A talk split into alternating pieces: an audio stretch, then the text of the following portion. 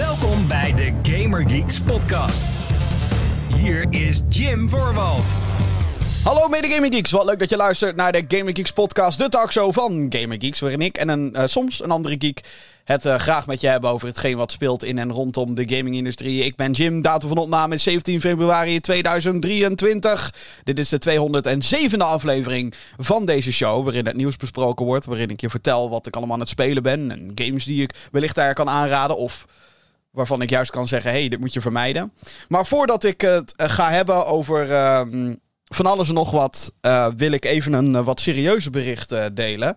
Gisteren is bij mij namelijk het, op het moment van opnemen dan, gisteren is bij mij het bericht binnengekomen dat Ingo Horn is overleden.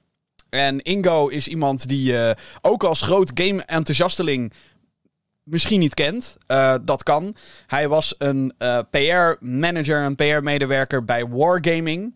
En um, het is iemand die ik... Um, die ik kende. Althans, uh, kende van Wargaming en de vele trips die wij hebben gemaakt met Wargaming voor het YouTube-kanaal. YouTube.com slash GamingGeeksNL.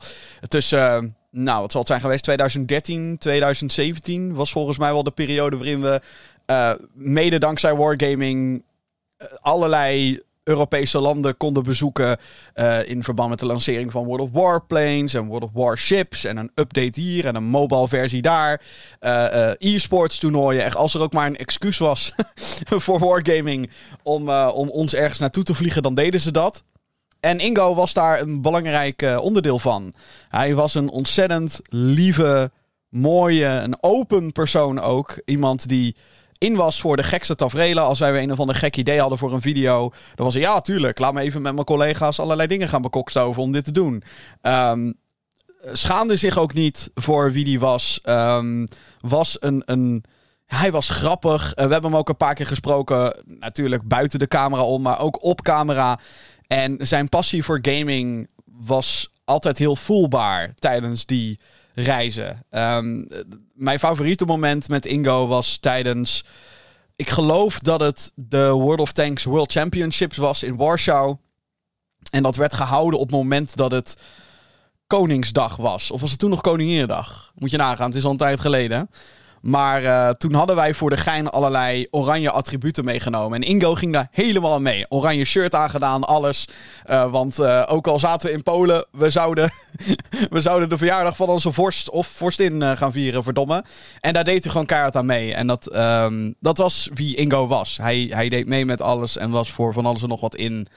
Um, Zo'n lieve, leuke man. Hij is op 49-jarige leeftijd overleden aan een hartaanval. Uh, onverwachts dus. Ontzettend kutnieuws is het.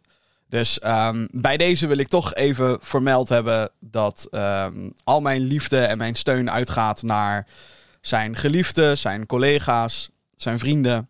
Want die gaan door een ontzettend moeilijke periode heen. En ja, het uh, is toch heel vreemd om uh, te realiseren dat. Um, stel dat Wargaming weer een keer naar Gamescom komt. Dat, ja, dan zijn er altijd een aantal gezichten die je dan ziet. Dat is bij allerlei bedrijven zo. Maar dat Ingo daar dan niet meer is, is dan um, een heel vreemd iets om over na te denken. En ontzettend, uh, ontzettend sad. Dus bij deze, rest in peace, Ingo Hoorn, 49 jaar hij. Slechts, heeft hij slechts mogen worden. Ja, heel erg sad. Goed. Um, ja, een beetje vreemd om dan door te gaan met de podcast. Maar ja, zo, ga, zo gaan die dingen dan altijd. Um, deze podcast, uh, die overigens verder gevuld is met videogames. En uh, soms zitten daar serieuze zaken bij. Bij lange na niet zo serieus als het uh, uh, verliezen van iemand die je hebt gekend. Althans, dat hoop ik dan.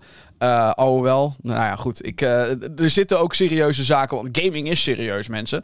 Maar vreemde overgang dit. Anyway, op deze podcast kan je abonneren via je favoriete podcastdienst. denk bijvoorbeeld aan Apple Podcast of Spotify. Daar waar je podcast kan beluisteren, daar is de Gaming Geeks podcast natuurlijk ook op te vinden. En mocht je deze show gevonden hebben, je denkt, oh, um, naast dat hele serieuze begin is het ook uh, leuk hoe deze man uh, praat over, over videogames. Abonneer dan. Uh, dan krijg je een nieuwe aflevering meteen in je feed. Een videoversie die is ook te zien op youtube.com slash gamergeeksnl. Daar waar niet alleen maar deze podcast in videovorm te zien, te luisteren is. Maar waar ook alle andere GamerGeeks content gepost wordt. Zoals mijn wekelijkse analyses, besprekingen van The Last of Us op HBO. Die uh, echt met de week schijnbaar beter wordt. De, de, afgelopen aflevering was ook weer te gek.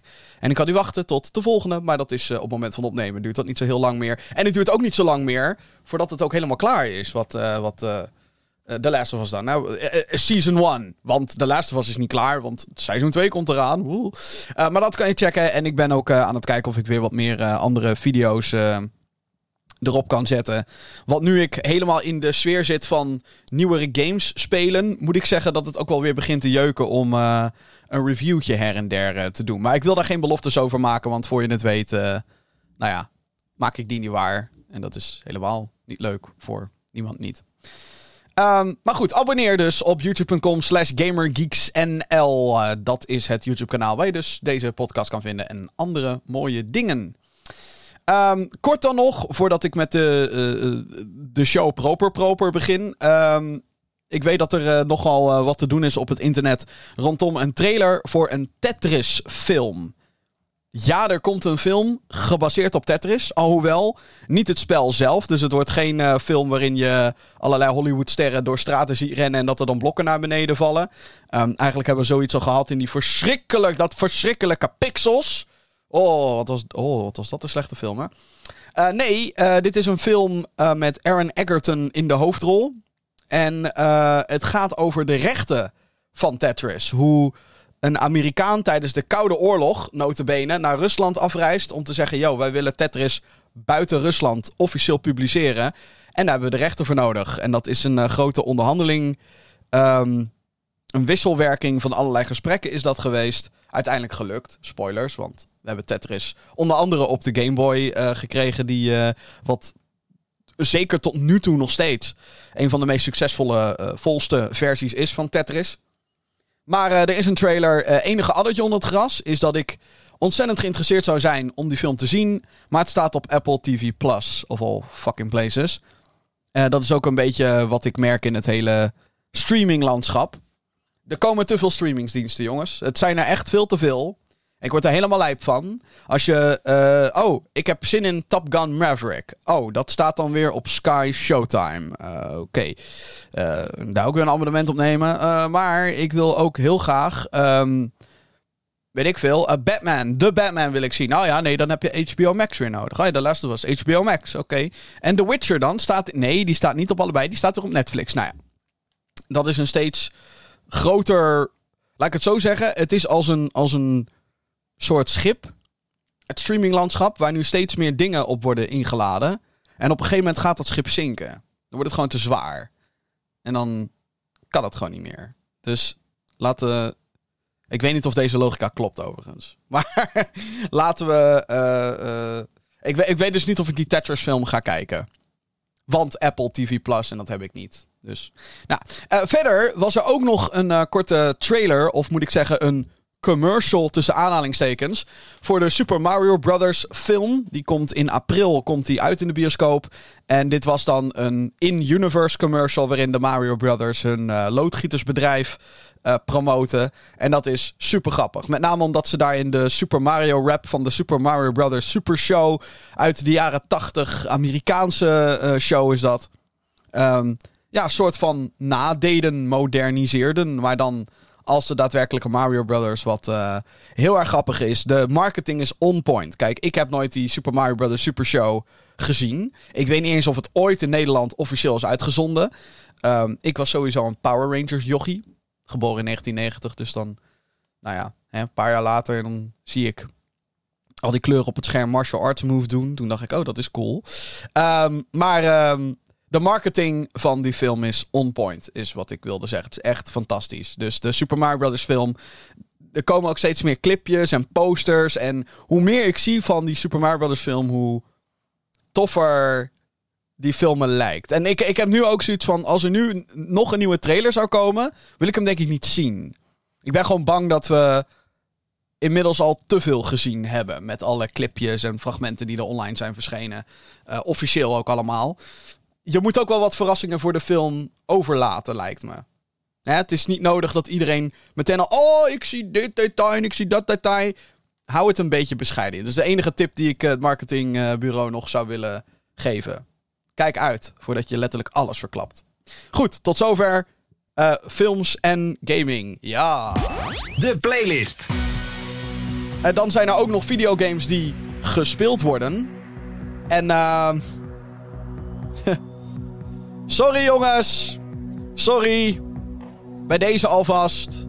Ik ben waarschijnlijk een van de weinigen die zegt: Oeh, ik verheug me oprecht op deze game. En ik heb hem nog niet gespeeld. Hogwarts Legacy. Sorry. Nee, nog niet. Ik weet het, het is dom. Ik weet het, het is raar dat ik, degene die notenbenen um, uh, een paar podcasts geleden nog zei: Oh, Hogwarts Legacy is de game die ik moet spelen in 2023. Uitgerekend, ik heb hem nog niet gespeeld. Ik weet het, schandalig. Maar uh, ook hier ga ik wederom geen beloftes maken. Maar het moet wel heel erg raar lopen. Wil ik de game niet binnenkort uh, oppakken. Dus uh, er kwamen gewoon allerlei dingen tussen. Allerlei dingen kwamen er tussen. Sommige onverwachts. Nou ja, eigenlijk heel veel onverwachts. Zoals Metroid Prime, zometeen meer. Um, dus nee, nog geen impressies van Hogwarts Legacy. Sorry. Komt uh, binnenkort. Hoop ik dan. Uh, maar een andere game waar ik wel even je aandacht op wil uh, richten. Dat is een spel die ik. Um, je, je hebt, misschien ken je dat gevoel dat je een spel hebt die je een hele tijd geleden hebt gekocht. Of dat nou een fysieke game is die op je plank ligt. Zo'n hoesje voor de PlayStation of Xbox of Nintendo. Of een game die al jarenlang in je Steam-bibliotheek soort van rondhangt. Die je ooit ook geïnstalleerd hebt. En dat je denkt, ha ja, die ga ik sowieso een keer spelen. En dat blijft er maar hangen. Dan komt er telkens wat tussen. Dan komt er telkens wat tussen. Uh, dit is zo'n game. Uh, op Steam voor mij in dit geval. De PC. Waarin ik dat had. Het is een game genaamd Children of Morta.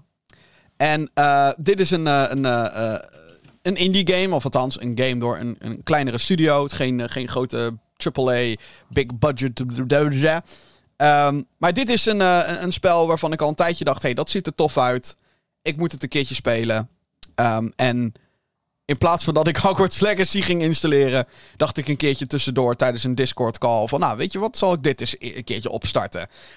Ik, ik zit dan in zo'n, in zo'n stemming dat ik ook, ik vind het leuk om met mensen te praten op Discord, hè, online. Gewoon een beetje, beetje kletsen met mensen. Um, en, maar ik wil ook wat spelen. Dus ik wil dan niet beginnen aan Hogwarts Legacy. Bijvoorbeeld een Hogwarts Legacy. Want dan uh, wil ik daar mijn volledige aandacht bij hebben. Dan wil ik me volledig kunnen, um, uh, kunnen, kunnen, kunnen verdwalen in, in, zo'n gamingwereld. Um, en vaak lenen dan.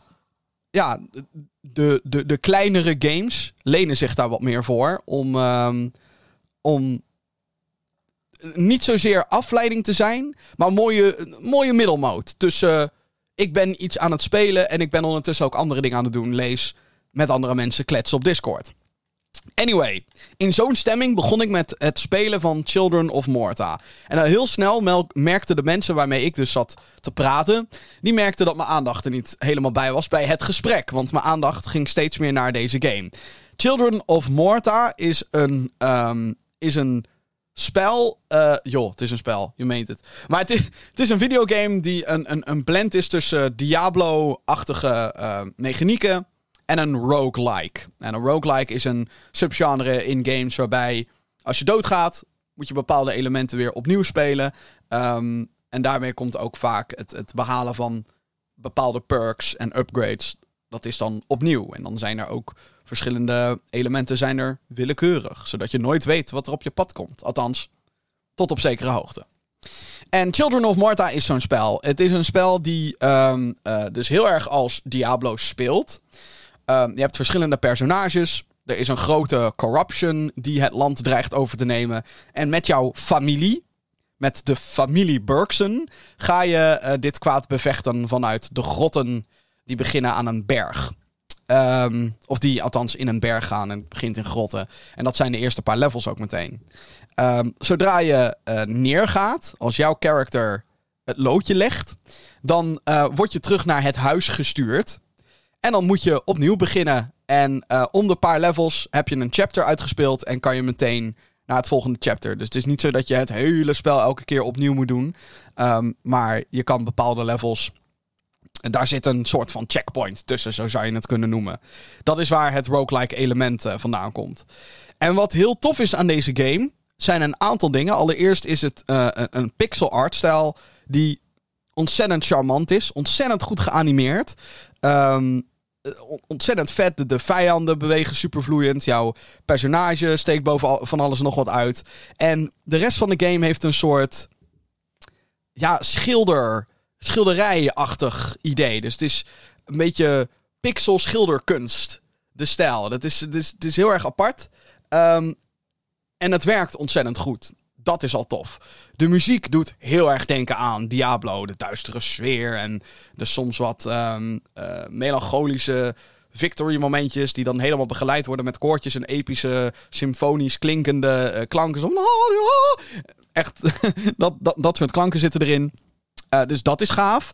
Wat ook tof is, is tussen de levels door. Dus bijvoorbeeld als je net dood bent gegaan of voordat je een, uh, een grot of een chapter ingaat. Dan zit je dus in het huis van de Bergsons, de characters. Je begint bijvoorbeeld met de vader van, uh, van het gezin. En um, naarmate het spel vordert, unlock je andere characters. Een paar van zijn kinderen gaan bijvoorbeeld mee vechten. Zijn oudste dochter is bijvoorbeeld iemand met een pijl en boog. Dus daar waar die vader een soort van warrior-klasse is, die een zwaard en een schild heeft, is zijn oudste dochter een archer uh, met pijl en boog, die dus uh, vooral heel veel van afstand moet gaan, terwijl dat, dat eerste character, die vader, is meer close combat. Uh, en zo krijg je een beetje alle stereotype fantasy characters als klassen. Maar dat is dan het gezin. En tussen de chapters door zit je dus in een soort. Zit je in het huis van hun. Een hubworld waarin je de gezinsleden willekeurige dingen ziet doen. Ze hebben gesprekken. Er zitten lore stukken. En alles wordt een beetje aan elkaar gepraat. Um, door middel van. Um, ja, hoe kan ik het zeggen? Do door middel van een narrator een, uh, een god, hoe, hoe, noem je dat? Een voice-over. Een stem die alles aan elkaar praat. En de gevoelens en de stemming en alles op die manier een beetje weet, uh, weet te weergeven. En dat is ontzettend vet gedaan. Het is iets wat ook al... Het is niet de eerste game die dat doet natuurlijk. Het is uh, bijvoorbeeld ook gedaan in Bastion. Een ook best wel bekend spel. Ook van een indie partij. Supergiant. Um, dezelfde developer trouwens van Hades. En ik denk dat qua gameplay is dit best wel met. En ook qua hoe het verhaal. Niet, niet zozeer hoe het verhaal verteld wordt, maar hoe het verhaal verwikkeld zit in een roguelike. In dit genre. Dat valt heel erg te vergelijken met, uh, met Hades, wat echt een topspel is.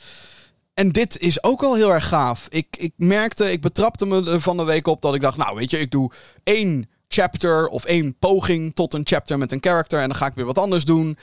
Um, of ik nou op Discord zit met mensen of niet. En toen betrapte ik mezelf erop dat ik of dood ging of een uh, bos versloeg. En dan dacht ja, maar nu heb ik allemaal muntjes verzameld. En dan kan ik weer een permanente upgrade unlocken. Want ook dat zit weer in de game. En dan denk ik, ja, eigenlijk wil ik uh, nu met dit character deze chapter proberen te verslaan. Dus zal ik gewoon nog een rondje? Oh, zal ik nog een rondje? Een beetje dat is wat, er, uh, wat, wat deze game bij mij doet. En het helpt ook, of althans, het is heel nuttig om met alle personages een hoger level te bereiken. Omdat als je personage een bepaald level krijgt, dan geeft dat een, een buff, dus een extra stat, aan alle personages. Dus dat soort, dat soort verslavende mechanieken zitten er allemaal in om je door te laten spelen. Koppel dat dus met fijne gameplay en toffe abilities en een toffe artstijl en leuke muziek. En dan ook nog eens dat verhaal wat een beetje vertelt. Het is, het is te gek. Het is zo'n spel van ik denk, waarom heb ik dit niet eerder gespeeld? Waarom heb ik hier zo lang mee gewacht om dit eindelijk vanuit mijn Steam bibliotheek op te starten? Schandalig, verdorie. Ook leuk, stel dat je denkt, Jim, dit lijkt me heel erg tof. Um, maar kan ik dit ook met iemand spelen? Jazeker. Er zit online multiplayer in. Um, niet dat ik dat heel snel ga doen, want ik zie niet zo, zo snel iemand waar ik of normaal games mee speel of waar ik um, vaak contact mee heb, die zie ik dit niet zo snel spelen. Um, maar ook in je eentje is het hartstikke leuk. Maar mocht je dus uh, uh, zoiets zoeken, te gek. Uh, Children of Morta. Schrijf dat even op, want zeker als er weer een, een Steam sale is of iets in die trant, valt deze game hartstikke aan te raden. Hou je van Hades, Diablo, roguelikes. Nou, als één van die woorden je iets zegt en je denkt, hé, hey, dat vind ik leuk.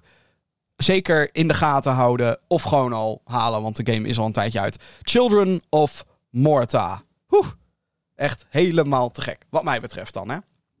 Zo'n spel waarin ik, uh, die ik ook niet op de planning had staan om te spelen. En toch, here we are, verdorie. Um, inmiddels, uh, wacht, hoe, wat staat er om? Is volgens mij al iets van acht uur verder of zo in die game. Een andere game die onverwachts kwam en waar ik het uh, in de vorige podcast al over heb gehad. Sterker nog, het was een van de hoofdonderwerpen. Dat is Metroid Prime Remastered. Uh, een heruitgave van Metroid Prime. Een uh, game die van origine uitkwam in 2002 op de Nintendo GameCube. Een van mijn favoriete GameCube games. De game waardoor ik Metroid, de franchise van Nintendo, ontdekte. Um, en misschien ook wel een van de tofste uh, games in zijn genre. Dit is een first-person game. Het lijkt op een shooter. Speelt niet als een shooter, kan ik je vertellen. Um, maar het is, het is een te gekke game. Helemaal te gek. Uh, in plaats van dat ik Hogwarts Legacy kocht, heb ik deze week. Ik ben er vol in gedoken. Vol in Metroid. En ik heb hem inmiddels uitgespeeld ook. inmiddels uh, is hij uh, klaar. Ik zou nog op hard mode kunnen doen. Ik zou nog voor de, de, de, de snelle stretch kunnen gaan. De speedrun en dat soort dingen. Um, ga ik niet doen, denk ik. Want Hogwarts Legacy, dat is naar me aan het... ik wilde zeggen fluisteren, maar het is gewoon aan het roepen. Hey, hey Jim, kom eens. Maar uh, Metroid is fantastisch. First-person game waarin je door een vreemde planeet heen gaat. En eigenlijk op het moment dat je landt in het spel, kom je al deuren tegen waar je niet langskomt. Later in de game krijg je dan een upgrade. Bijvoorbeeld een, een bepaald type wapen of een bepaald type beam. Want je krijgt niet echt zozeer verschillende wapens. Jouw arm cannon van de bounty hunter Samus kan verschillende typen kogels afvuren. Uh, en zodra je die krijgt, dan gaat er een soort gevoel van vrijheid overkomt je. Van, oh, nu kan ik bij, nu kan ik die kamer in waar ik eerst niet in kon. En nu kan ik ook vijanden anders verslaan. En nu. En dit gebeurt, zeg maar, om de 30 minuten in de game als je een beetje doorloopt. En dat is geweldig. Het is fantastisch. Je wordt continu wordt je geplaagd met ja, hier kan je nog niet heen. Misschien zit hier wel een vette upgrade dat je meer raketten kan lanceren of dat je meer helft krijgt. of misschien wel wat anders. Wie zal het zeggen? Daar tease de game je de hele tijd mee en uiteindelijk uh, krijg je dan die upgrade en dan denk je oh, maar dan is er ineens weer zoveel meer te ontdekken. Dat is wat uh, wat Metroid Prime um, onder andere met je doet. Het is een fantastische game. Als je een Nintendo Switch. Uh, hij is trouwens uitgebracht op de Nintendo Switch vorige week. Werd hij um, aangekondigd en meteen gereleased tijdens de Nintendo Direct. het is een spel die, um, die alle lof verdient. En wat mij het meeste verbaasde tijdens het spelen van Metroid Prime Remastered is hoe goed deze game na 20 jaar nog steeds is. Want ik heb het origineel gespeeld op de GameCube lang geleden, toen ik nog een puber Jimmetje was. Of niet één, nou ja, jawel. Technisch gezien wel, maar dat puberen, dat uh, kwam net wat later. Uh, maar echt, uh, ik, vroeger, ik, ik, kreeg weer dat nostalgische gevoel van, oh ja, nu weet ik weer hoe het is om op deze planeet rond te lopen. Oh ja, nu weet ik weer hoe het is om tegen deze irritante vijanden te vechten. Nu weet ik weer hoe het is om de Ice Beam te krijgen en dat soort dingen. Het is echt inmiddels uitgespeeld dus. En het is geweldig. Het is fantastisch. Um, mocht je een Nintendo Switch hebben, ga dit spelen. Want dit is uh, een van Nintendo's finest, kan ik wel zeggen. Het is een van de beste Metroid games. Um, het is een van de beste games op de GameCube. En daarmee dus, wat mij betreft, een van de beste Nintendo games ooit. Nou is er een hele lange lijst met ontzettend goede Nintendo games. Dus het ligt ook maar net aan waar je voorkeur ligt. Maar um, um, Metroid is fantastisch. Metroid Prime is fantastisch. En als je beelden van de game bekijkt en je denkt: oh, is dit dan zo'n first-person shooter? Het is technisch gezien een first-person shooter, want je kijkt vanuit de ogen van het personage. Dus dat is first-person en je schiet dingen. Dus dat is dan een shooter. Het speelt niet als eentje. Het speelt veel meer als een 3D-platformer waarin je een wapen hebt wat schiet. En ook niet, nou ja, de nadruk ligt ook niet eens zozeer op platforming. Het is een combinatie van alles en nog wat. Beetje platforming hier, beetje schieten daar. En een licht puzzeltje her en der. Al is het alleen maar om een upgrade te krijgen. Um, geweldig. Fantastisch. Metroid Prime Remastered. Uh, mocht je trouwens meer van de hoesjes zijn, de game is nu digitaal verkrijgbaar op de Nintendo Switch. Maar mocht je meer van de hoezen zijn, dan uh, op 3 maart komt de fysieke editie uit van Metroid Prime. Ha, en dat is een beetje uh, mijn playlist op dit moment. Ja, ik weet het. het, het Hogwarts Legacy shined door zijn of haar hen afwezigheid. Komt goed, jongens. Komt goed, komt goed. Zometeen in de Gamer Geeks podcast. Uh, zometeen uh, meer Metroid Prime aanstaande. Uh, als het aan een bepaalde gamejournalist ligt, wel. Althans, als het aan fans ligt ook. Maar volgens bronnen die de journalist heeft, gaat het gebeuren. Nou, meer vertel ik je zometeen. Heel veel grote successen zijn er gaande op Steam. En dat is opvallend. Uh, ga ik je zo meteen alles over vertellen. En Dead Island 2 wordt uitge... De... Ik bedoel, vervroegd. Huh? Nieuws. Maar eerst...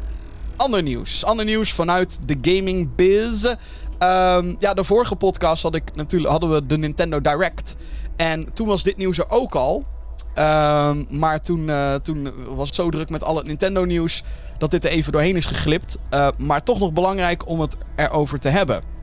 Want, wat is er aan de hand? De Electronic Entertainment Expo, beter bekend in de volksmond onder de noemer E3, lijkt wederom een slecht jaar te gaan hebben. Het evenement wordt elk jaar gehouden in juni, uh, met Los Angeles meestal als thuisbasis. De afgelopen paar jaar heeft de E3 niet kunnen plaatsvinden vanwege de coronapandemie. Pandemie, maar ook digitale edities wisten geen indruk achter te laten. Sterker nog, de digitale editie werd vorig jaar ook gewoon geannuleerd. Voordat het virus in opmars kwam, kwam het event al met problemen. Uh, met de onder andere PlayStation, EA en Activision Blizzard, die al niet meer op de beurs stonden na jarenlang wel. Voor de 2023-editie is er slecht nieuws. IGN heeft namelijk via bronnen vernomen dat PlayStation, Xbox en Nintendo alle drie niet aanwezig zullen zijn op E3. Het betekent dus dat alle consolehouders geen representatie zullen hebben. Not represented. Vanuit PlayStation is het geen verrassing, gezien hun focus op hun eigen showcases, de State of Play. Xbox zal naar alle waarschijnlijkheid alsnog rond die tijd een eigen evenement houden in, in het Microsoft Theater. Een locatie die een paar straten verwijderd is van de LA Convention Center, daar waar E3 gehouden wordt. Dat Nintendo in geen enkele vorm aanwezig zal zijn is verrassend, omdat zij altijd loyaal zijn gebleven aan E3 en ook altijd rond E3 dan we een persconferentie hadden of, als een van de eerste, overgingen op een digitale presentatie, de Nintendo Direct. Ondertussen heeft uitgever Ubisoft aangegeven graag aanwezig te willen zijn als het doorgaat. Opvallende uitspraak. E3 2023 is van 13 tot 16 juni in LA dus. En waarom is dit belangrijk? Omdat E3 vroeger, voorheen, het belangrijkste moment was in videogaming. Dat was het moment waarop iedereen, bij wijze van, in één hal stond. Of naar één hal, meerdere hallen in één gebouw stond. En er zoveel games en nieuws werd aangekondigd. dat je het bijna niet meer kon bijhouden. Ik heb daar ontzettend veel plezier mee gehad. Al sinds ik het videogame nieuws volg, is E3 altijd een moment dat ik denk: oh, hype, laten we gaan, wat komt er allemaal? Eh, allemaal gekte te veel games om op te noemen en te veel toffe momenten die er zijn geweest. Veel livestreams gehouden ook, uh, waarin we met z'n allen aan het hypen waren. Uh, de gamergeeks, de kijkers en, en, en, nog allemaal andere mensen. Het was echt te gek. Uh, maar, wat ik al zei, de afgelopen paar jaar is dat dus heel erg afgezwakt. Omdat steeds meer partijen denken, waarom zou ik in godsnaam, en dat is aan zich een goed punt, waarom zou je als gameuitgever gaan concurreren met letterlijk iedereen? Want als je een game wilt aankondigen, of uitbrengt, of whatever. Dan wil je natuurlijk dat daar zoveel mogelijk ogen op gericht zijn. En dat zoveel mogelijk mensen zien: hé, hey, dit spel komt eraan. Vind ik tof. Pre-orderen, bla bla bla, wishlisten, noem het maar op. Als iedereen op hetzelfde moment dat gaat doen, dan is het best lastig om daartussenuit te springen. En dat is ook een reden geweest voor onder andere Activision Blizzard, onder andere PlayStation, om al te zeggen: Weet je wat, we doen lekker ons eigen ding. EA deed het al een tijdje. Um, die had uh, um, voor de pandemie hadden ze een aantal jaar EA Play. Dat was letterlijk een paar dagen voor E3 begon dat evenement. Was ook volgens mij letterlijk tegenover LA Convention Center. eh, waar E3 dus is, werd dat gehouden. En hadden ze ook een eigen persconferentie, een eigen previews en dat soort dingen. Want alle journalisten komen toch al allemaal naar één plek. Dan kan je ze net zo goed ook een eigen showcase geven. En dat was heel slim, omdat dan de dagen voor E3 ging iedereen al mee met de E3-hype. En online stond het vol met EA dit en EA zus en EA zo. En denk je, hey, niemand die daartegen concurreert.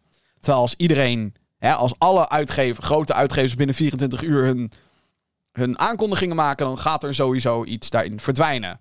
En dat was, uh, dat was heel slim. Dus dat werd al, dat werd al, daar werd al steeds meer rekening mee gehouden. En um, digitale showcases zijn ook super boeiend. Helemaal als je het zelf kan doen. Nintendo heeft dat al uh, bewezen met de Nintendo Direct. Um, ooit als vervanging voor de grote E3 persconferentie. Geen live publiek meer. Geen live presentatie meer waarvan, waarvan alles nog wat technisch gezien fout kan gaan. Nee, gewoon een digitale presentatie. Met hey jongens, dit zijn de games van Nintendo. Hier zijn onze derde partijen. En hier zijn de trailers. Doei. Aan zich een wat statischer iets. Ik moet zeggen dat ik de, de persconferenties in die zin wel mis. Omdat het een gevoel van spanning heeft. En ook al zit je op een livestream te kijken naar zo'n persconferentie. Ik vond het altijd wel tof. De E3 persconferenties. Het werden er op een gegeven moment wel echt te veel. Dat letterlijk iedereen die iets uitgaf, die uh, moest een eigen pressconference houden. En sommigen deden dat super slim met wederom een digitale presentatie. Zoals die Volver Digital. Uh, maar anderen deden dat nog steeds in een zaal. En als het gebeurt in een zaal, nogmaals, ook al kijk je mee met een livestream, die spanning voel je op de een of andere manier. En het feit dat er wat fout kan gaan, ik weet niet, maar als een game uh, crasht of zo tijdens een persconferentie, wat wel eens gebeurd is, uh, dat er dan live gameplay wordt, wordt, wordt, wordt geshowcased daar, dat iemand echt aan het spelen is daar, en dat er dan wat fout gaat. Ik vind dat eigenlijk alleen maar tof omdat je dan weet, dit is live. En ja, jongens, de game is nog niet af. No shit, Sherlock. Ik denk dat een van de. Uh, volgens mij was het Uncharted 3 of 4 die tijdens de uh, gameplay demo vastliep. Dat een controller niet meer reageerde of zo. En dat zoiets van, oh, we moeten even een unit vervangen, jongens. um, en dat is wat anders dan wanneer een, een, een, een VLC media player als een trailer niet wil instarten. Dat vind ik dan minder boeiend. Maar als een live gameplay showcase fout gaat, ik vind het niet eens zo heel erg. Ik vind het niet eens zo heel erg. Hm. En maakt het allemaal net wat echter of zo. Maar um, dat is waarom ik het, wa waarom het belangrijk is, de E3. Of althans, belangrijk was. Want wat ik al zei, de laatste jaren, uh, steeds meer partijen gaan weg. Uh, steeds meer zien het nut niet in van allemaal bij elkaar zitten. Het zal ongetwijfeld ook best wel wat kosten om daar te staan met een, met een stand. En iedereen maakt daar zoveel mogelijk herrie. En, en de stands op de E3, de, booth, de booths, waren altijd super indrukwekkend. Kostte ook allemaal geld. Um, dus aan de ene kant is het logisch dat, dat de E3 steeds minder boeiend wordt. Um, ik bedoel, een eigen showcase houden is zo gedaan. Of je doet gewoon mee met de showcase van Jeff Keighley. Die gaat weer de Summer Game Fest doen. Die vindt het natuurlijk fantastisch dat de E3 nu naar de kloten gaat. Um, en toch ergens, ook al heb ik zojuist allerlei redenen opgenoemd, dat het logisch is dat E3 niet zo tof gaat worden dit jaar. Want hallo, Nintendo, Xbox en PlayStation, alle drie niet officieel part of E3. Um, toch vind ik het jammer. Omdat de hype, het had gewoon wat. Het had gewoon wat. Het epicentrum voor videogames. En nu wordt dat veel meer verdeeld. Er wordt het veel meer, nou ja, weet je wat, PlayStation doet dan een showcase, Nintendo doet dan een direct en Xbox ziet ook wel wat het doet. EA, ja joh, als ze er geen zin in hebben, doen ze geen showcase. Nogmaals, het is logisch vanuit allerlei um, aspecten. Waaronder ook, en dat is misschien wel het belangrijkste aspect, de studio's. De ontwikkelaars. Want van wat ik heb gehoord en heb gelezen, is de E3 een hel voor de ontwikkelaars zelf. Want er moet een demo komen, er moet nu een trailer komen, er moet allemaal dan gebeuren. Is de studio er klaar voor? Maakt niet uit. Maar we moeten met iets staan daar. En het is natuurlijk niet zo dat, dat het altijd een stresssituatie is geweest. Maar de verhalen zijn er wel van, oh ja, we moesten een E3-demo in elkaar zetten. Oei.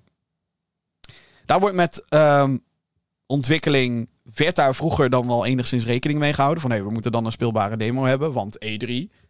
Maar gezien de economische situatie overal en hoe ontwikkeling gaat, is dat gewoon niet zo logisch meer. Lijkt me.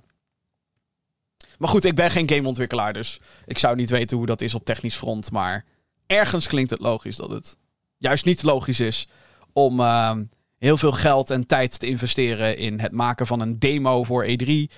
Terwijl je ook gewoon een toffe trailer in elkaar kan zetten met gameplay. Uh, wat niet door duizenden. Want dat was ook een ding. Naast dat E3 showcases is, is het ook gewoon een beurs waar mensen naartoe gaan. En ja, als een, als een game vastloopt tijdens een presentatie. Waarvan je weet, nou weet je, um, dat gebeurt nu. Maar we starten opnieuw en dan iedereen is daarna weggeblazen door een game. Dan maakt niet veel uit. Als je op een beurs staat en duizenden mensen gaan crashen en shit. Ja, dan wordt het wat heftiger.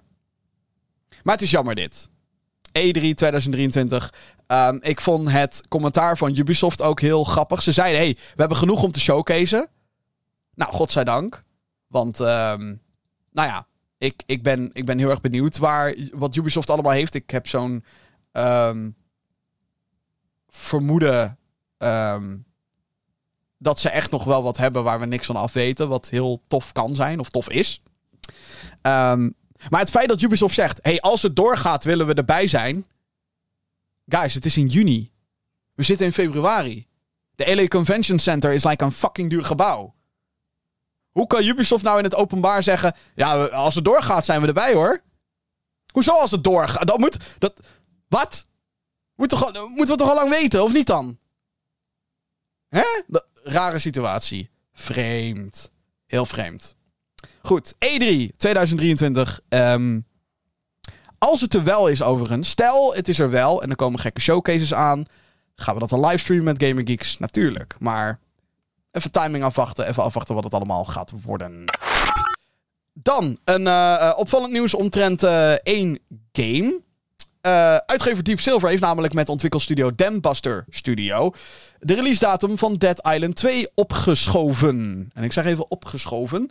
Normaliter betekent dit dat een uh, game later komt, maar dit is het tegenovergestelde. Dead Island 2 is een first-person zombie RPG, zo kan je het dan wel noemen. In dit geval ga je door Los Angeles heen, hey, weer LA. En moet je opdrachten uitvoeren waarbij veel zombie-slachtende praktijken voorkomen. Ondertussen wordt je personage sterker en kan je uitrusting looten, armor, wapens, crafting materialen. Yeah. De game heeft een uh, flinke ontwikkelgeschiedenis achter de rug. In de eerste paar jaar uh, werd het uh, ontwikkeld door ontwikkelstudio Jaeger. Waarbij zelfs een vroege alpha-versie speelbaar was op Gamescom 2014. Ja, die heb ik nog gespeeld. Daarna brak de studio met de uitgever en nam Sumo Digital het stokje over. Ook hier kwam geen schot in de zaak en startte Homefront The Revolution-ontwikkelaar Dambuster Studios het project opnieuw op. Deze versie werd afgelopen Gamescom aangekondigd met in eerste instantie een februari release datum. Deze werd uh, vervolgens weer opgeschoven naar um, april. Uh, dat was eerst de 28ste, maar deze week is dus aangekondigd dat we zombies kunnen slachten op 21 april. Dit is waarschijnlijk zodat de game niet tegelijkertijd uitkomt met Star Wars Jedi Survivors. Die, of, uh, sorry, Star Wars Jedi Survivor. Eén Survivor. Oeh. Uh, die onlangs werd uitgesteld naar de 28ste van april. Dus Star Wars gaat naar 28 april. Deep Silver dacht, waarschijnlijk: oei, wat nu? Uh, en dachten: weet je wat, dan gaan we een week eerder. voor Dead Island 2 is dus nogmaals de nieuwe datum 21 april. De game komt uit op PC, PlayStation 4, PlayStation 5, Xbox en Xbox Series S slash X. Um, ik heb Dead Island 2 gespeeld. Zowel de alpha-versie op Gamescom 2014 als afgelopen jaar ook op Gamescom. Uh, dat was een. Um, ik geloof dat het een alpha-versie was. Um, of nee, een beta-versie, een vroege beta-versie. Beta betekent in technische termen dat het feature complete is, maar dat er nog van alles en nog wat mis kan zijn. Um, ik vond de game verrassend leuk. Ik dacht, voordat ik de uh, gameplay demo inging op Gamescom, dacht ik, ja, weet je, um, het is. Het zal ongetwijfeld geinig zijn. Maar ik denk dat het heel. Ik denk niet dat het heel goed gaat worden. Dat was mijn eerste indruk. Toen begon ik met spelen. En toen dacht ik, ja, maar dit is eigenlijk heel, heel, heel erg tof gedaan. Ik weet niet wat het is, maar het, het, het, het is de combinatie tussen het hacken en slashen en het schieten en gekke type vijanden en hoe zij reageren op jouw ehm, pogingen tot geweld, dan wel geweldpleging. Uh, het was. Het had een fun factor. Een fun factor die ik niet had verwacht te vinden in uh, Dead Island 2. Een fun factor die wel in de eerste Dying Light zat. En voor een deel ook in Dying Light 2, die andere first-person zombie game. Um, sterker nog, ik had eigenlijk op sommige momenten had ik zoiets van... als Dying Light 2 dit nou had gehad... uh, ik, ik vond Dying Light 2 een beetje tegenvallen namelijk op uh, heel veel fronten. Um, was gewoon niet zo ambitieus als de eerste game.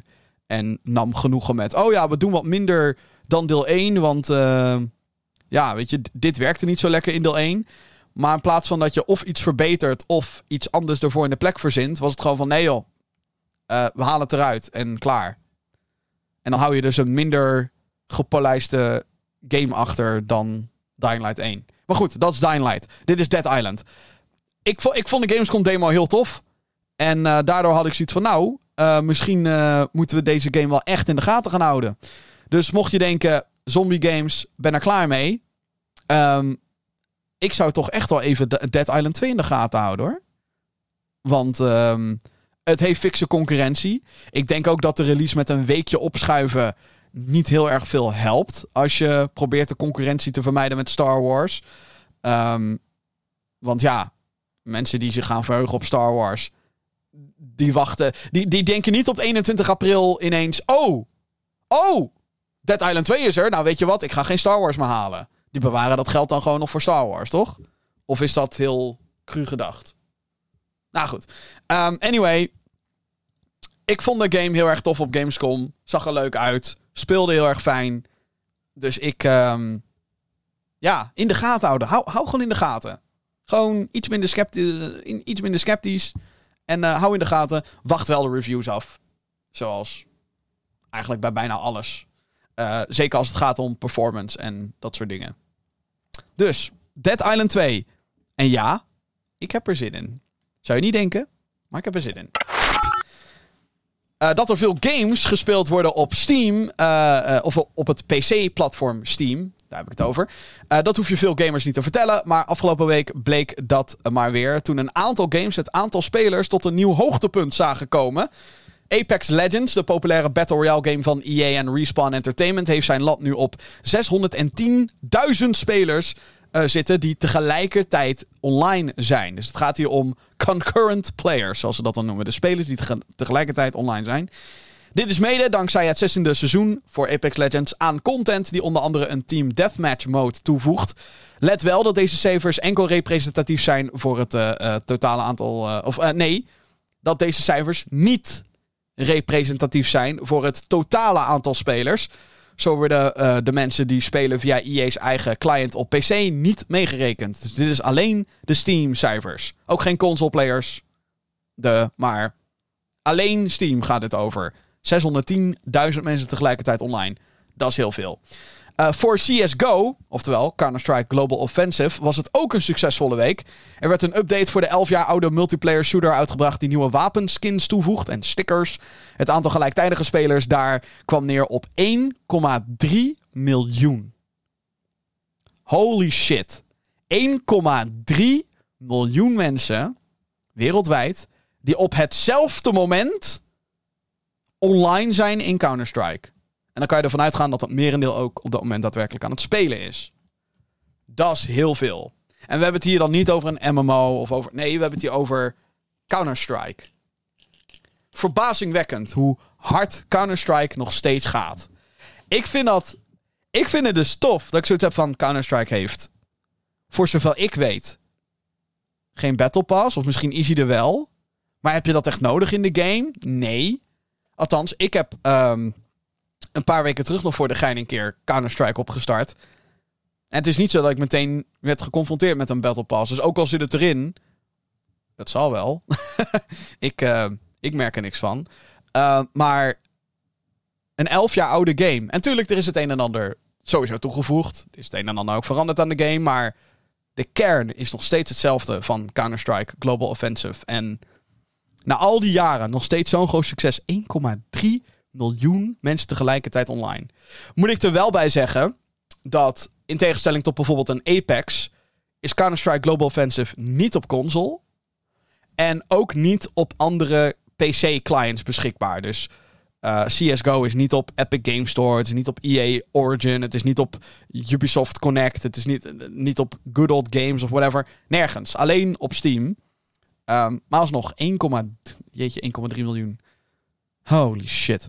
Um, verder is er ook veel aanstaand succes voor Sons of the Forest. Het vervolg op de populaire survival game The Forest. Die komt op 23 februari uit in Early Access op Steam, maar heeft nu de eer om de titel te zijn met de meeste wishlists op Steam. Het aantal spelers wat de game als dusdanig gemarkeerd heeft, staat nu op bijna 188.000. Holy shit.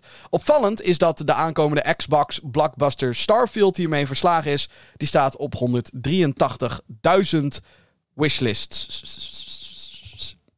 Insane. Fucking insane. Um, of the Forest is ook een spel waar ik me heel erg op verheug. Um, vooral omdat ik The Forest... Uh, The Forest was een van mijn pandemie-games, was dat. Het was een... Um, uh, ik ging met een aantal vrienden, ook mensen die normaal geen games speelden, gingen we met z'n allen The Forest spelen. En we werden we werden een beetje weggeblazen door alle bouwfeatures die erin zaten. Door het verhaal waar we ineens door meegesleurd werden. Wat, wat we van tevoren niet hadden verwacht. Dat er echt een best wel dikke storyline in zou zitten. Um, de mogelijkheden, de, de vijanden die er waren. Het was zo te gek. En um, ja, daar komt nu, dus nu een vervolg. Het enige waar ik wel. Ja, ik wil, een probleem is ook weer een groot woord. Maar het komt dus uit in early access. En de reden waarom de ontwikkelaar dat doet, is omdat ze uh, niet langer de game willen uitstellen. Alhoewel uitstellen als in. Ze stellen het wel uit. De volledige release wordt uitgesteld. Maar in plaats daarvan releasen ze in early access. En ik weet niet of dat. Laat ik het zo zeggen. Dat zou van tevoren een plan moeten zijn. In plaats van. Uh, dat je bedenkt: oh wacht, we willen eigenlijk. Weet je wat we doen? Early access. Het is geen strak plan. En ik weet niet of dat de game ten goede komt. Um, maar goed, ja. Uh, en, op moment van opnemen, wanneer, het is volgende week al. Holy shit. We kunnen gewoon Sons of the Forest gaan spelen. Oh wel, in early access. Maar ja, nee, ik vond The, the Forest eh, fantastisch. Fantastische survival game. En ik ben normaal gezien niet van de survival games. Al die metertjes met, oh je moet drinken, oh je moet dit. Oh, heb, ik niet, heb ik normaal niet zoveel mee. Maar The Forest had, had een bepaalde engheidsfactor. Zeker als het donker wordt op dat eiland waar je met je vliegtuig crasht. En um, de kannibalen komen je halen. Nou, echt, ik heb me... Ik heb letterlijk gegild. En dan vrienden die me allemaal lachen. Ah, Jim, wat ben je aan het doen? Er komen gewoon wakkers achter mij aan. En dan ga je met z'n allen paraat staan bij je basis. En dan wordt er een muur gesloopt. En dan ben je daarna... Oh nee, we moeten de muur herbouwen. Maar we durven ook niet het bos letterlijk in om bomen te kappen voor hout. Om die muur te verstevigen. Want stel je voor... Um, geweldig. Nu, nu ik het erover heb, denk ik... Ah, fuck it. Of het nou early access is of niet. Hè? Geen Hogwarts Legacy, maar Sons of the Forest. Misschien moet ik dat niet al te hard roepen. Geen, geen goed idee. Ja, 23 februari mensen. Sons of the Forest in Early Access op Steam. Mick Gordon, uh, daar is uh, wederom nieuws over. Een geroemd videogame-componist. Die uh, heeft iets opvallends op zijn social media gedeeld. Hij maakt namelijk de muziek voor de aankomende first-person shooter Atomic Heart. Deze verschijnt ook weer aankomende... Holy... Ook weer aankomende week. 21 februari namelijk. Op uh, uh, PC en Xbox komt deze game dan uit. Het is een uh, first-person shooter. Het wordt een beetje vergeleken met Bioshock. Door de vreemde atmosfeer. Magische powers uit je handen. Het, het, ja. Het heeft een... Um, echt een uh, hele aparte sfeer. Wat mij betreft.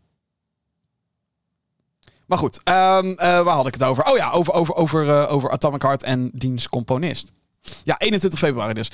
Zoals met bijna elke release lijkt er ook weer een controverse om eh, Atomic Heart te zijn. Mantfish, de studio die de game maakt, is namelijk gevestigd in Rusland. Door de oorlog met Oekraïne zijn er een aantal spelers die oproepen tot een boycott. Het helpt ook niet dat sommige investeerders te herleiden zijn, na heel diep graven, naar de Russische overheid. De componist Mick Gordon komt zelf uit Australië en heeft nu via social media aangekondigd dat zijn verdiensten met Atomic Heart gedoneerd gaan worden aan het Rode Kruis voor de slachtoffers in Oekraïne. Mick Gordon is geen onbekende naam in de videogame-componistenwereld. Zo heeft hij de muziek gemaakt voor onder andere Killer Instinct 2013, Wolfenstein The New Order, Doom 2016, Prey 2017 en Doom Eternal. Met die laatste is hij nog steeds in conflict met Bethesda, de uitgever van die game, over onbetaald werk en een slechte behandeling tijdens het hele proces van uh, het maken van die game. Oké, allereerst, Mick Gordon is een held een, een, een, een van de beste videogame-componisten die we op dit moment hebben. De, alle soundtracks die ik zojuist heb opgenoemd van hem, stuk voor stuk subliem. Met als hoogtepunt, en ik denk niet dat ik de enige ben die dat zal roepen, uh, Doom 2016 en Doom Eternal. Wat ontzettend goed. Um, dan Atomic Heart. Deze game ziet er wederom fantastisch uit. Aparte atmosfeer, gekke wereld, Bioshock vibes all over. Helemaal niet gek dat mensen het daarmee vergelijken. Dan de Russische banden met de game. Um, ik vind dat we. Ik vind dat er heel veel. Heel veel. Nee. Er zijn heel wat kleine groepen mensen. die ontzettend veel herrie weten te maken. over dingen waar zij het uh, niet mee eens zijn. En Hogwarts Legacy was ook zo'n voorbeeld. Um, ik bedoel, Hogwarts Legacy is een gigantisch groot succes. Um, daar ben ik blij mee. Uh, al is het alleen maar omdat mensen zich niet laten afleiden door het gezeik van een paar. En zoals ik ook al eerder heb gezegd in de podcast. Als jij problemen hebt, fundamentele, principiële problemen met alles wat Harry Potter en alles daaromheen is vanwege degene die het verzonnen heeft, J.K. Rowling en de uitspraken die ze heeft gedaan, um, die als anti-trans worden gezien. Ik, ook daar vind ik dat sommige dingen best wel uit context getrokken worden. Maar goed, daar moet je je eigen conclusies maar uit, uh, uithalen. Um, ook dat was een klein groepje mensen die ontzettend veel herrie maakten. Waar dan helaas ook alle aandacht naartoe gaat. En waardoor ik nu heel erg voorzichtig in deze podcast moet zeggen: Ik heb zin in Hogwarts Legacy. En ik heb, al, ik heb het er al best wel vaak in deze show over gehad, dus ik ga daar niet verder over uitwijken. Dan de ontwikkelaars van Atomic Heart. Wat hun met name wordt verweten is niet het feit dat een groot deel van de studio of de, de origines van de studio in Rusland liggen. Ehm, want niet iedereen die in Rusland woont heeft zoiets van fuck Oekraïne. Um, zijn het dan ook niet standaard eens met de invasie en de oorlog. Hetgeen wat we het moeten blijven noemen. Um, dus dat ten eerste. Uh, ten tweede, alle investeringen die zijn gedaan, waar ik net naar refereerde, nogmaals, je moet heel diep graven om daar uiteindelijk een link met de overheid in zien te vinden. Uh, bijna net zo dat, weet ik veel, ik ben het niet eens met de Nederlandse regering. Maar ja, ik koop eten en dus geef ik geld aan de Nederlandse regering, want er zit BTW overheen. Een beetje dat. Dat, dat niveau is het. Um, dus het is niet zo dat als je uh, uh, 60 euro uitgeeft aan Atomic Heart, dat dan 50 van die 60 euro's naar, naar Poetin gaat, bij wijze van. Bullshit. Dat is wel door sommigen hoe het nu uh, beweerd wordt. En dat is natuurlijk onzin. Het tweede waar nogmaals de kleine groep mensen problemen mee heeft, is dat de ontwikkelaars van Atomic Heart, de studio, die hebben dus op social media een bericht gepost van hey, we zijn tegen alle vormen van geweld, jada jada jada. Wat hun daar werd verweten, is dat ze niet direct zeiden van... hé, hey, je moet zeggen, wij zijn anti de oorlog tegen Oekraïne. We zijn anti-Poetin en we zijn anti... Oftewel, exact de woorden die mensen bij hun in hun mond leggen... moeten gezegd worden, anders fuck you. Iets waar ik ook denk van... Oh, doe dat nou niet. Fuck you gewoon. Het is, het is een situatie waarbij de ontwikkelaar tegen die kleine groep mensen nogmaals niks goed kan doen. Helemaal niks. Maakt niet uit wat ze zeggen. Maakt niet uit hoe ze het zeggen. Ze kunnen de fucking game cancelen, dan worden mensen boos. Ze kunnen uh, de game uitstellen, worden ze boos. Ze kunnen de game veranderen, dan worden mensen boos. Het maakt niet uit. Het is nooit goed. En um, in dit geval snap ik ook wel dat als er een gedeelte van of jouw studio staat in Rusland en je gaat in het openbaar, ga je roepen op Twitter, haha, fuck Poetin, dan komt Poetin achter je aan. Dus um, laten we nou niet doen alsof dat soort shit geen rol speelt. Dat speelt het wel degelijk. Dus misschien voordat mensen conclusies gaan trekken over hoe mensen woorden gebruiken. Wat ze dus eigenlijk, hè, je zou bijna kunnen zeggen. Ze zeggen wat je wil zeggen, alleen niet in de woorden. Omdat ze daar voorzichtig mee moeten zijn. Dat denk ik althans. Ik ga niet op basis van een paar tweets um, iemand volledig beoordelen. Wordt te veel gedaan. Het wordt zo erg. Alles is zwart op wit. Of zwart of wit, moet ik zeggen. Op het internet. Hè? Of, of je bent ja, of je bent nee. Er is nooit een fucking tussenweg. Er is nooit een, een manier van: hey, misschien moet je dit anders lezen. Of misschien hè, moeten mensen uitkijken met wat ze zeggen. Nee, het is altijd ja of nee. En ik vind dat we daarmee moeten kappen. Daarom vind ik ook dat deze actie van Mick Gordon um, een bazenactie. Hij had het niet hoeven te doen. Um, sowieso, hè, liefdadigheid is niet iets wat je hoeft te doen. Daarom heet het ook liefdadigheid. Het wordt je niet verplicht. Maar um, ik denk dat het uh, boekdelen spreekt. Ik denk dat het een heel duidelijke boodschap stuurt waar niet alleen hij voor staat. Kijk, uiteindelijk, hij heeft geld verdiend met dit project en hij mag er lekker mee doen wat hij wil. Um, maar ik heb zo'n vermoeden dat dit ook in overleg is gegaan met de studio. En um, je zou cynisch kunnen zijn. Je zou kunnen zeggen: Oh, dus dit is een soort van marketingtruc om uh, de uh, hoe heet het, de, de, de, de kritiek te, te, te stil te leggen. Nee, dat denk ik ook niet. Um, ik denk wel dat het een, een soort van. Ja, hoe moet je dat zeggen? Een, het is een statement, maar dan zonder dat het een officieel statement is. Als je snapt wat ik bedoel. En um, ik, vind dat, uh, ik vind dat mooi. En heel eerlijk, als ik kijk naar de game, Atomic Heart dus, waar we het over hebben. Ik was hyped voor deze game voordat ik wist dat de mensen uit Rusland kwamen die dit maakten. Overigens beweert de studio zelf dat een hoofdkantoor in Cyprus ligt en niet in Rusland. Ja, uh, Max Verstappen komt ook uit Monaco, zeg maar. Weet je al, uh, dat. Um, ik weet niet in hoeverre dat zeg maar oprecht is. Um, maar als ik. Hè, de eerste keer dat ik Atomic Heart zag was zonder context van whatever. Er was toen ook nog geen oorlog. Uh, met Oekraïne. Rusland tegen Oekraïne. Um, en ik was toen al hyped. En inmiddels leven we in een, in een wereld waarin gaming en politiek niet meer van elkaar te onderscheiden is. En alhoewel ik dat snap, is het soms goed om een game te zien voor wat het is. Een videogame. En als een videogame een heel erg politiek gedreven statement maakt, dan is dat. Dat kan. En Atomic Heart gaat over een wereld die. Uh, uh, een alternatieve tijdlijn waarbij de Sovjet-Unie meer macht heeft gekregen dan wat het nu heeft. Maakt dat meteen politiek? Kunnen we geen alternatieve verhaallijnen meer verzinnen? Is alles meteen, heeft alles meteen invloed?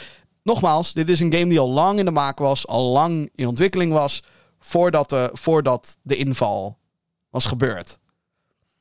En ik zou het fijn vinden als we als gaming community iets vaker gewoon kijken naar een game of een film of whatever als een entertainment product. En het ligt er een beetje aan. Hè? Ik heb de game nog niet gespeeld. Ik, ehm, ik weet niet wat voor statements het maakt. In hoeverre dat realistisch is. Um, want je zou, nogmaals, je, zou, je kan alles met politiek kan je betrekken. Het kan. Of je dat wil, is een tweede. En ik vind ook niet dat je als speler verplicht moet worden om daar continu maar mee bezig te zijn. Heel veel mensen spelen videogames om juist te ontsnappen van wat er in de echte wereld gebeurt. En is Atomic Heart daar een goede voor? Eh, nou ja, dat moeten we nog maar zien. Maar het is heel surrealistisch. Het is wel vet. En we hebben voordat de oorlog met Oekraïne losbarstte ook genoeg um, games gehad waarbij de Sovjet-Unie dit of de Sovjet-Unie doet zus of de Sovjet-Unie doet zo.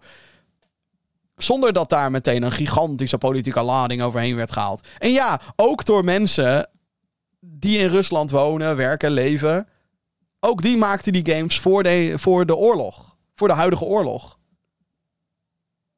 Dus in die zin is het niets nieuws of zo. Maar nu wordt er een gigantisch ding van gemaakt door nogmaals een hele kleine groep mensen. Die heel hard kunnen schreeuwen en heel hard kunnen roepen. En het kan zijn dat, dat iemand na aanleiding van deze podcast me allerlei dingen doorstuurt en dat ik er anders over ga denken, maar ja. Ik zie gewoon een hele toffe, creatieve first-person shooter. Dat is wat ik zie. Met invloeden van waar mensen vandaan komen. Ja, is niet gek toch? Moeten we het daarom ineens allemaal gaan boycotten weer? En daarom is het, wat mij betreft, extra mooi dat Mick Gordon, die um, hopelijk weer een hele, hele vette soundtrack heeft afgeleverd. Ik hoop, ja, nogmaals, hij heeft een gigantisch goede track record. Um, ik hoop gewoon dat. Uh, laat ik het zo zeggen, ik hoop dat het geld goed terechtkomt en dat het goed gebruikt gaat worden door het Rode Kruis. Zo simpel kan het soms ook zijn. Anyway. Um, Atomic Heart. Ga je het spelen, Jim? Als ik er tijd voor heb, wel. 21 februari, PC, Xbox en ook op Game Pass, by the way. Dit is een hele grote voor Game Pass. Dus uh, zin in. Ik heb er zin in. Nogmaals, ik uh, scheid het liefste de echte wereld van videogames. Um, soms is het onvermijdelijk dat die twee met elkaar te maken hebben. Maar um, ik gebruik het als uh, escapeism. Dat was een Finding Nemo referentie. Voor degene die echt, echt, echt heel diep gaan. Oké, laatste nieuwtje van deze week. Uh, journalist Jeff Grubb van website Giant Bomb beweert dat we binnenkort meer Metroid Prime kunnen verwachten op de Nintendo Switch. Nou, ik vind Metroid Prime fantastisch, dus uh, wat is het goede nieuws, verdorie? Nou, vorige week wist Nintendo dus vriend en vijand te verrassen met de onmiddellijke release van Metroid Prime Remastered. Deze is grafisch op vele vlakken opgepoetst door uh, de originele studio, Retro. Niet per se het originele team wat de game zelf gemaakt heeft, maar nog wel de studio. Die ontwikkelgroep is ook bezig met de nieuwe game Metroid Prime 4. Fans van de franchise, zoals ik, vragen zich uh, namelijk af hoe het zit met het tweede en derde deel in de serie. Volgens Grub komen Metroid Prime 2 Echoes en Metroid Prime 3 Corruption ook naar de Nintendo Switch. Maar dan wel met een kleine kanttekening. Deze games krijgen naast aanpassingen in de besturing niet de remasterbehandeling die de eerste game kreeg. Dus dat hele oppoetsen van de graphics en zo, dat zou dan niet opgaan voor uh, deze games. Uh, daarmee zou je ze ports kunnen noemen. En wanneer deze ports dan uit zouden moeten komen, dat is niet bekend. Metroid Prime 2 Echoes kwam van origine uit uh, in 2004 op de Nintendo GameCube en werd later naar de Wii gebracht in een trilogy pakket. Metroid Prime 3 Corruption maakte zijn debuut in 2007 als een van de paradepaardjes van de Wii. Alle games in de Prime reeks. alle games in de Prime reeks, Prime reeks zijn gemaakt door Retro Studios. Dus, um, nog een kanttekening. Dit is een journalist die dingen roept. En ehm, ik hoop natuurlijk van harte dat Metroid Prime 2 en 3 ook naar de Nintendo Switch komen. Ik vind Metroid Prime 1 fantastisch, zoals je al hebt gehoord. Zowel vorige podcast als deze aflevering. Um, dus tuurlijk hoop ik dat 2 en 3 er ook naartoe komen. Ik bedoel, hoe, hoe vet zou het zijn dat je de beste aanloop naar Metroid Prime 4 ook hebt. Of, of, dat je de beste aanloop naar 4 ooit hebt. Als je de gehele trilogie op datzelfde platform kan spelen. Klinkt als een Metroid-droom, wat mij betreft. Het zou wel heel jammer zijn als dit waar is. Dus nogmaals, het is, het is, een, het is een journalist die dingen roept. Die roepen wel vaker dingen. En de Metroid Prime Trilogy is iets wat al jarenlang een gerucht is dat het naar Nintendo Switch zou komen. Uiteindelijk hebben we nu deel 1. In plaats van de trilogy. Um, dus neem dit met een gigantische korrel zout. Het zou natuurlijk wel heel logisch zijn om 2 en 3 ook naar de Switch te brengen. En ergens vind ik het een beetje zuur als zij niet de remaster behandeling krijgen. Toegegeven, voor Metroid Prime 1 is wel echt veel gedaan. Er zijn heel veel uh, objecten uh, opnieuw um, gemaakt, zeg maar. Er is zelfs een, er is een extra's menu in de game. Uh, bonus content noemen ze dat dan. Uh, als je een bepaald aantal percentage items uh, behaalt bijvoorbeeld, dan unlock je concept art. En veel concept art in de game is van het origineel. Het is een remaster. Maar er is dus ook gewoon een aparte categorie concept art in de, in de game.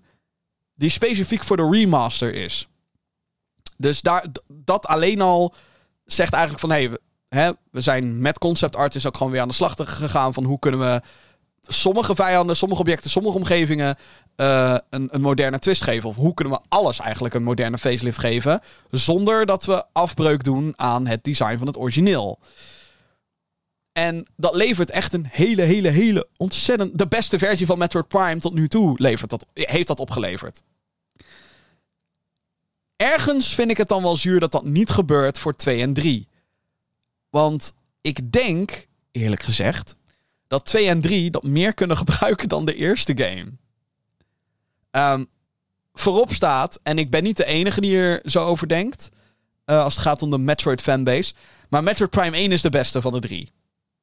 Dat betekent overigens niet dat ik 2 en 3 niet nog een keer zou spelen. Ja, heel graag. Op de Switch, ja, graag. Um, maar het zou toch wel zonde zijn als die dan oprecht ook lelijker en minder gepolijst eruit komen te zien, omdat ze geen remaster doen. En ik snap het, zo'n remasteren dat klinkt simpel. Hè? Je poetst wat graphics op, je maakt wat uh, character models maak je mooier, je voegt wat lichteffecten toe, copy-paste en klaar. Nou, zo werkt game development absoluut niet. Um, dus in die zin snap ik het ook wel dat het uh, ook meteen best wel een grote taak zou zijn om 2 en 3 er maar ook meteen bij te remasteren. Aan de andere kant. Dus, dus ik heb er begrip voor als ze alleen maar zouden zeggen: hey, hier zijn 2 en 3. Uh, niet voor 40 euro, maar voor allebei, weet ik veel, 20 of 30 euro. Want we hebben er geen remasterwerk aan gehad. We moesten alleen de game overzetten. Um, ik zou er begrip voor hebben. Zeker als het enigszins haast heeft. Want ik heb geen idee hoe ver ze zijn met Metroid Prime 4. Die timing moet wel kloppen. Als in de remasters van 2 en 3 moeten dan, of remasters, ports, de Switch-versies van 2 en 3 moeten dan wel voor 4 uitkomen. Aan de andere kant, dus uh, nogmaals, begrip voor als ze het niet zouden doen. Aan de andere kant denk ik, joh, je hebt al het lichtsysteem ontwikkeld voor Prime 1. Je hebt al bepaalde lichteffecten toegevoegd voor Prime 1. Het nieuwe, hè, nieuwe effecten zijn er al voor de, de, de gun van Samus, voor, voor, uh, voor haar visors en dat soort dingen. De UI is er al. De besturing is er al. Tuurlijk, je moet het allemaal aanpassen naar 2 en 3. Maar die hebben ook heel veel dingen overgenomen van 1. Van elkaar, zou je kunnen zeggen. Dus um, waarom dan niet all out gaan? En zeggen, yo, 2 en 3 krijgen ook een, uh, remaster treatment. Het is, het is natuurlijk ook maar net de vraag welke elementen dat nodig hebben in 2 en 3. Ehm, maar heel eerlijk, ik zou het tof vinden als alsnog. Ik weet het, ik vraag heel veel. Ik ben veel eisend. Maar hoe tof zou het zijn als 2 en 3 ook gewoon dezelfde liefde krijgen van de studio? Dat je gewoon zegt: hey, deze games vinden wij ook tof en leiden naar 4. Dus ook hun krijgen de liefde, de tijd, de moeite. En dan hopelijk van wij als spelers het geld.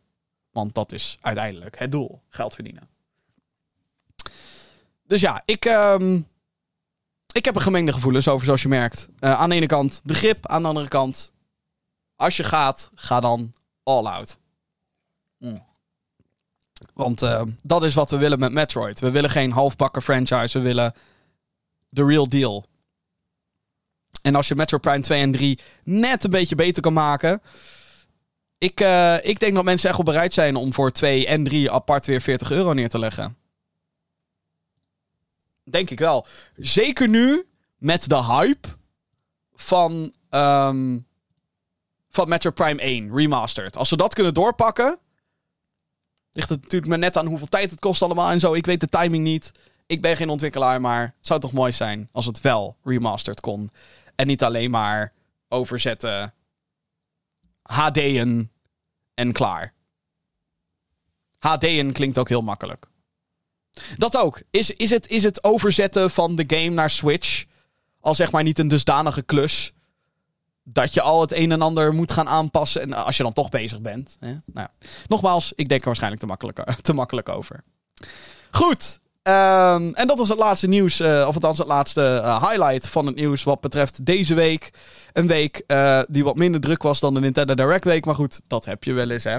Ehm, ja, eh, dat, dat, dat, dat was het dan bijna voor deze aflevering. Maar niet voordat ik je naar het volgende heb gewezen. Heb jij een vraag voor de show? Nou. Mail naar podcast.gamergeeks.nl Vragen, commentaar, andere issues. eh, of misschien wel eh, dingen die jij wilt eh, toevoegen aan de show. Laat het dus weten via podcast.gamergeeks.nl. Dat mailadres podcast.gamergeeks.nl. En daarmee ben ik dus aan het einde gekomen van deze 207e aflevering van de Gamer Geeks podcast.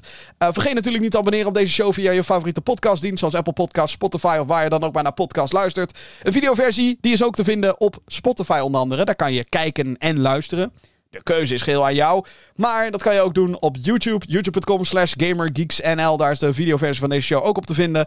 Eh, met daarbij ook nog eh, elke week een ehm, impressie, analyse, review. Eh, ik die praat over Last of Us op HBO. Gevuld met spoilers en dat soort dingen. Dus als je het ook allemaal hebt gezien en je denkt... Oh, wat, ik wil erover napraten met iemand digitaal. Nou, dat kan dus via youtube.com slash GamerGeeksNL. Daar waar ik ook livestream trouwens. Ehm, dat is ook leuk.